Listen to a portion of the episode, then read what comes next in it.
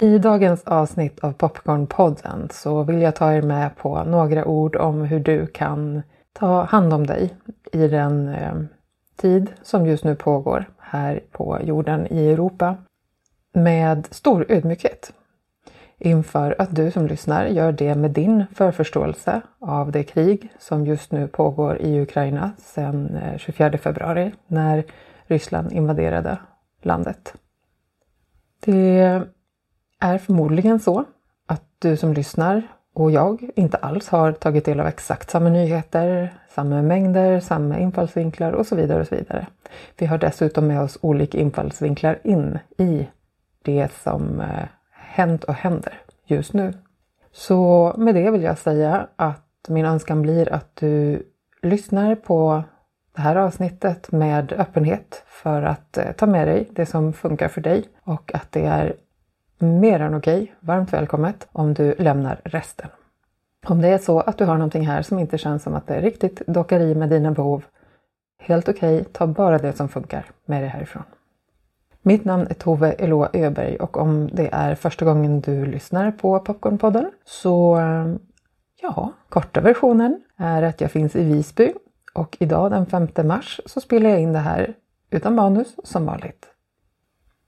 Jag är i grunden socionom sedan drygt tio år tillbaka och arbetar sedan eh, fyra, snart fem år i eget företag inom meditation och personlig utveckling. Men också har jag en ganska lång erfarenhet av att möta människor i eh, relativt svåra eh, livserfarenheter som har hänt där livet har hänt på ett sätt där det har förändrats och sorger, kriser, utmaningar på det inre planet har blivit verkliga på många olika sätt. Jag har också läst en eh, kortare påbyggnad inom stress och trauma. Jag vill att du har med dig det när du lyssnar på det här. Du hittar mer info om mig på popcornpodden.se bland annat om du skulle vilja läsa lite mer om min bakgrund. Den tid vi lever i just nu är en tid som går att säga väldigt många olika saker om och jag märker när jag nu spelar in att jag smakar på varje ord Kanske i en eh, oro för att jag skulle kunna säga någonting som eh, på något sätt eh, provocerar eller landar fel hos någon av er som lyssnar. Vilket som sagt aldrig någonsin skulle vara min avsikt. Men om det händer så hör av er. Min önskan är framförallt att du som lyssnar kan få med dig några ord om hur vi som människor kan ta hand om oss i en tid som är eh, stressande, psykologiskt utmanande och som potentiellt verkar kunna vara det över en tid faktiskt. Med ett förändrat säkerhetsläge i Europa och också att just nu höra talas om väldigt, väldigt mycket lidande genom det krig som pågår i Ukraina. Där människor eh, gömmer sig i skyddsrum och i tunnelbanor och beväpnar sig för att skydda sitt land och ytterst friheten som de, som jag upplever det och uppfattar det, är villiga att genuint offra sina liv för.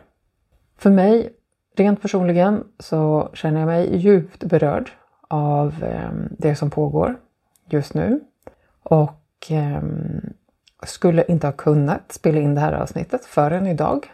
Då har det gått en 9-10 dagar sedan kriget började och det är fullt möjligt att när jag lyssnar tillbaka på det här längre fram så kommer jag undra fel om vad det var jag valde att prata om.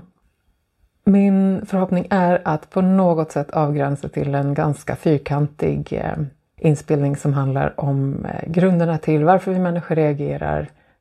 Men också framför allt hur vi kan, eh, var och en av oss, göra det vi kan, just det du kan för dig själv för att eh, må så bra som möjligt just nu. Mitt i att det är en väldigt speciell tid att leva i. Skulle de flesta, tror jag, ändå säga att det är. Någonting som är viktigt att veta, tänker jag, kan vara hela det här fenomenet med hur eh, kroppen faktiskt ju är eh, designad för att hjälpa oss människor att överleva även svåra situationer. Vi människor har i vår biologi en helt fantastisk design så, som ju gör att när vi har minsta risk att uppleva någonting svårt så är det så att våra nervsystem ska reagera med att antingen vilja fly jättejättefort, slåss och försvara oss eller att spela döda. Det är de tre grenar man pratar om. Du har kanske hört dem på engelska så pratar man om flight, fight, freeze.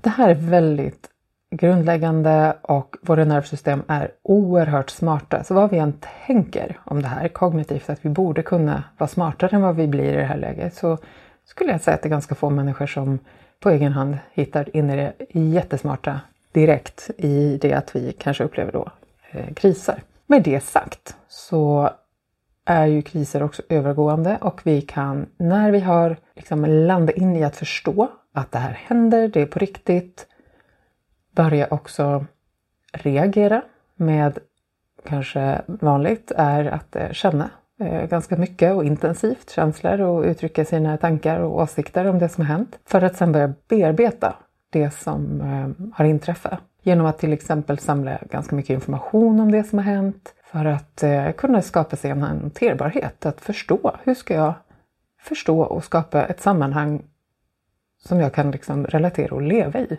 kring det som har hänt. Sista fasen när man pratar i kristeori är också nyorientering. Där man inte längre känner sig så drabbad av det som har hänt eller som man har hört talas om att någon annan har drabbats av. Och där man kan leva i livet relativt fri från det lidande som den här krisen då förut kan ha gett en. Vill du läsa ett blogginlägg om det här så kan du också göra det på popcornpodden.se. Tips! Det är jättevanligt när vi då eh, reagerar på någonting som vi upplever svårt eh, stressande psykologiskt. Att eh, uppleva allt ifrån oro, rädsla, en stark ilska, frustration, känner sig maktlös. Det kan också vara en enorm trötthetskänsla som, eh, som man upplever. Och att kroppen i de här olika lägena då, att spela död, fly eller fäkta, går in i olika reaktioner som vi kan faktiskt möta lite, lite mer om vi vet om att det här är reaktioner som våra kroppar går in i som försvar, som skydd för oss. Det är i alla fall min erfarenhet. Att om vi kan förstå och mjukt också tacka kroppen faktiskt för att den gör sitt jobb, ibland lite extra bra, så brukar det kunna vara lite lättare att också hålla om sig själv med lite självomsorg när livet händer. Och även om de här eh, grundreaktionerna, eller vad man ska säga, verkar vara ju ganska lika för oss människor på, på jorden så kan det däremot skilja sig en del om, i det här läget vad vi behöver för att återhämta oss ifrån det som är eh, svårt att uppleva. Vad vi behöver för att må bra, för att ta hand om oss, kan skilja sig åt en del. Några saker som man vet funkar bra är ofta till exempel att prata med någon som man har förtroende för. Och att våga göra det. För den som lyssnar. Och ett medskick då till dig som lyssnar på det här och kanske är den vars öron blir utlånade till någon som eh, kämpar med oro just nu. I det här läget av att det är en ganska ny situation som vi upplever, lyssna gärna utan att avbryta eller vilja förändra personens inställning till det som har hänt eller hur den känner. Att få prata och få ha någon som tar emot det du berättar kan vara otroligt välgörande. Skulle det vara så däremot att det här blir ett behov som pågår över liksom en längre tid och att livet blir svårt att leva i och att, att det hindrar en människa att leva i sitt liv på grund av för mycket av den här oron och ångesten så kan det vara bra att söka en vårdkontakt för att, att checka av det och se om man behöver någon annan form av stöd också. Viktigt att veta. Det är i grunden helt naturligt och väldigt friskt att reagera på olika sätt på eh, svåra situationer.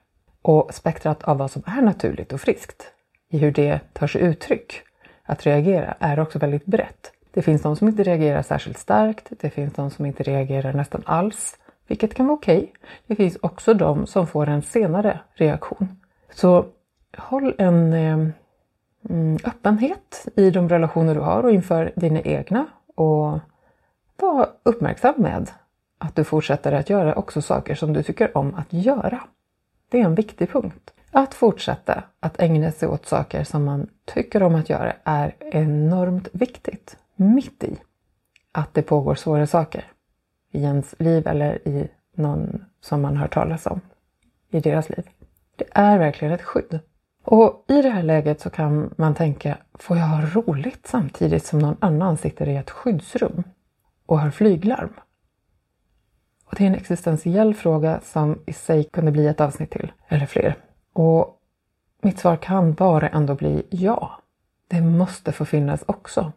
Att få göra saker som du vilar i är inte bara viktigt för dig, det är också nödvändigt för att kunna orka och att inte bli sjuk av svåra stressreaktioner. Att faktiskt få fortsätta att göra det du orkar att göra. Om du inte är så drabbad av stress och oro just nu, finns det någon som du i ditt nätverk märker har fått svårare att göra det den normalt sett skulle ha gjort? Dragit sig undan lite grann just nu, kanske behöver ännu mer sovtid eller börja dricka lite mer alkohol för att orka och klara av. Notera det och försök att ta med den här vännen ut på promenaden eller middag eller gå och träna eller skapa någonting tillsammans. Att fortsätta att göra de saker som vi mår bra av, gärna tillsammans, är genuint starkt skyddande för oss människor när livet blir svårt. Det finns också de här medskicken som många tipsar om just nu och som är kloka. Till exempel begränsa den tid man eh, ser på media, nyheter just nu av eh, svåra situationer eh, i Ukraina till exempel. Absolut kunna behöva hålla sig uppdaterad som ett sätt att skapa en hanterbarhet, en förståelse för det som händer. Men kan det vara så att det blir eh, mera hållbart att göra det här en gång om dagen eller två gånger om dagen, en viss tid, så att det inte rinner iväg flera timmar av att bara eh, gå runt i den typen av eh, intryck. Det är inte egoistiskt att också ta hand om sig själv i det här läget. Det är snarare en stor omsorgshandling, återigen, både till dig själv och till medmänniskor. För i det här läget så finns det ju ingen som tjänar på att vi allihop blir ännu mer eh, trötta eller sjuka på grund av svåra saker som händer. Vi behöver varandra ännu mer nu. Och att få faktiskt ta hand om sig själv i det är en sån enorm gåva för att sen utöver ditt eget, det räcker tillräckligt där, men det kommer också vara så att ju mer vi är i vår egen hälsa och kraft så kan vi också finnas ännu mer för varann när någon annan inte riktigt är där. Och i flera år har jag jobbat inom det här med psykisk ohälsa, sjukdom och, och hälsofrämjande verksamhet och anhörigskap där jag mött människor som har levt nära någon med eh, långvarig psykisk ohälsa till exempel. Jag har själv erfarenhet av det. Och du kanske lyssnade bara på det föregående avsnittet där jag jämförde anhörigskap med att springa maraton eller ultradistans i löpning. Vilket jag själv inte har gjort, handen på hjärtat. Jag har sprungit långdistans men inte riktigt de distanserna och kan konstatera att för att jag skulle orka eh, springa 30 kilometer så behövde jag bygga det på ett helt annat sätt än om jag sprang 5 kilometer. Och liknelsen i det här hoppas att du hänger med mig på det vi just nu upplever sen en dryg vecka tillbaka bara, är nog inte bara korta 5 kilometer eller 100 meter. Så det här är ultra, mest sannolikt. Det här är en ganska lång tid framåt som vi har att förhålla oss till det här förändrade säkerhetsläget. Också ett djupt svårt läge i Ukraina. Tänk hållbart blir ordet här. Det är ett sånt enormt modeord. Men hur skulle du ladda om du skulle bege dig ut på en väldigt lång resa? Skulle du packa med lite extra snacks, lite extra plåster, en varm filt? Vad vet jag? Hur kan du hålla om dig själv just nu i en tid som är sannolikt en, en ganska lång tid framöver av att förhålla sig till nyheter och eh, förändringar på jorden.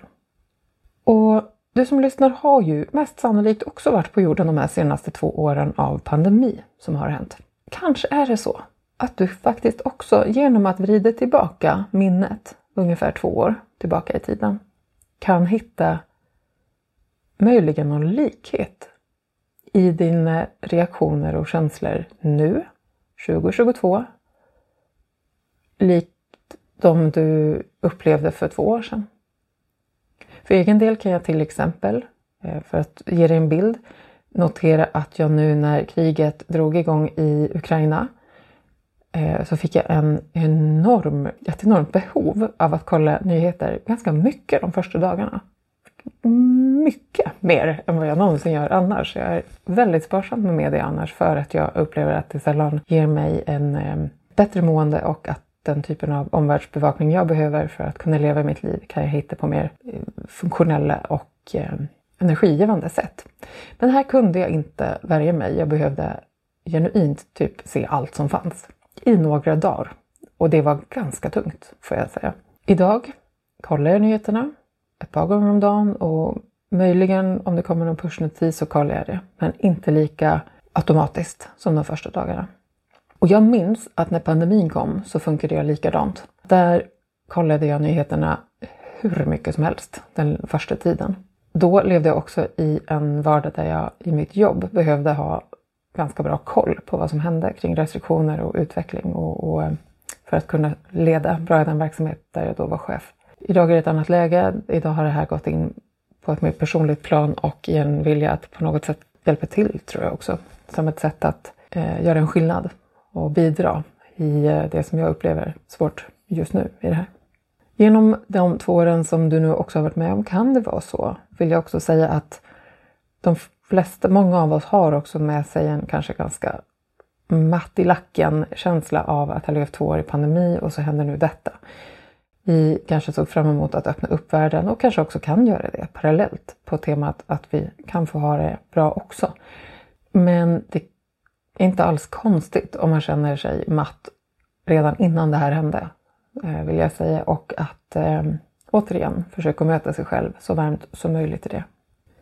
Och utforska vad, om någonting, har du tyckt var det som har gjort det möjligt för dig att hantera pandemin till exempel de här två åren. Jag menar inte att säga att det är exakt samma sak som det som händer just nu. Menar inte alls att förenkla det riktigt så långt. Det jag vill bjuda in till är ändå en känsla av att om du har noterat att du har fått god hjälp under pandemin, att skriva dagbok eller att skapa någonting eller att vara mycket ute i naturen, vara med i en samtalsgrupp. Använd de strategierna nu. Använd det du vet funkar för dig annars när det på något sätt skiftar i, i livet, hur det ser ut och upplevs. Plocka upp de sakerna och fråga andra hur de gör kanske. Någonting annat som också är viktigt att säga är, verkligen tycker jag, utifrån hur vanligt det är att gå till, så är det att så långt du kan, om du upplever oro på något sätt just nu, försök undvika alkohol och andra droger så långt som möjligt. Det kan såklart vara en ganska fin effekt på alkohol och andra droger, annars hade vi som människor inte använt det. Det kan vara gott och det kan ha en eh, upplevelse av att det ger lugn och eh, härligheter på olika sätt. Jag tänker att det är utgångspunkten till varför vi människor vill använda olika substanser, för vi skulle inte använda dem om de inte fyllde en funktion för oss.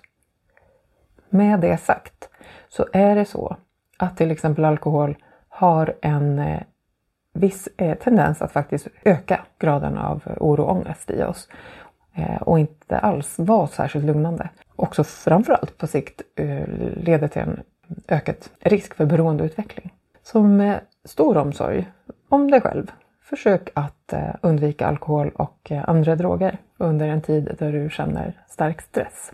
Försök att hitta andra sätt som är lite mer hållbara för kroppen. Så som att ta en promenad, prata med någon, Faktum är att det finns många som upplever en jättefin effekt av att eh, röra kroppen och då menar jag inte bara springa jättelångt eller lyfta tungt tungt utan också i tekniker som att eh, röra sig till musik, dansa eller bara skaka ur kroppen och, och frigöra energi på det sättet. Det kan vara otroligt hjälpsamt både vid en eh, ångestupplevelse och en eh, motsatt upplevelse av då kanske mer extrem trötthet att skaka ur kroppen och hjälpa kroppens energi att komma i, i rörelse, frigöra den som, som liksom hindrar en mera hanterbar upplevelse av att vara här i dig och din kropp just nu. Det finns jättemycket mer att säga såklart, som det alltid gör.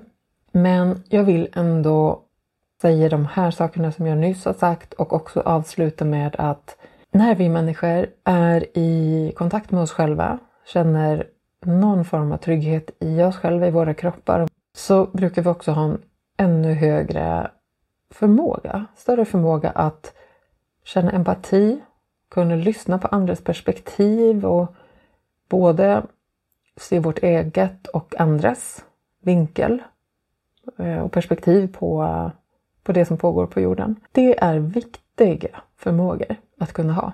Inte minst i en tid där det kan bli ganska polariserat i, eh, emellan oss människor. Så om det här relaterar till dig på något sätt, att vilja utforska lite mer eller att du känner att du just nu inte har någon empati eller lust att ta andras perspektiv så kan det också vara tecken på att du har eh, stressreaktioner helt enkelt. Att inte orka eller klara av att ha en eh, liksom kapacitet att ta in andra just nu. Kanske ha fullt upp med dig själv. Och ännu större anledning då att hitta tillbaka till några av de olika strategier som du som människa behöver just nu. Och ta gärna hjälp om du tycker det är svårt att hitta dem själv av någon du litar på. En annan gång kan vi prata mer om eh, ja, andra saker relaterade till kriget i Ukraina och eh, allt det som pågår relaterat till det i Europa bland annat och på Gotland och i Sverige.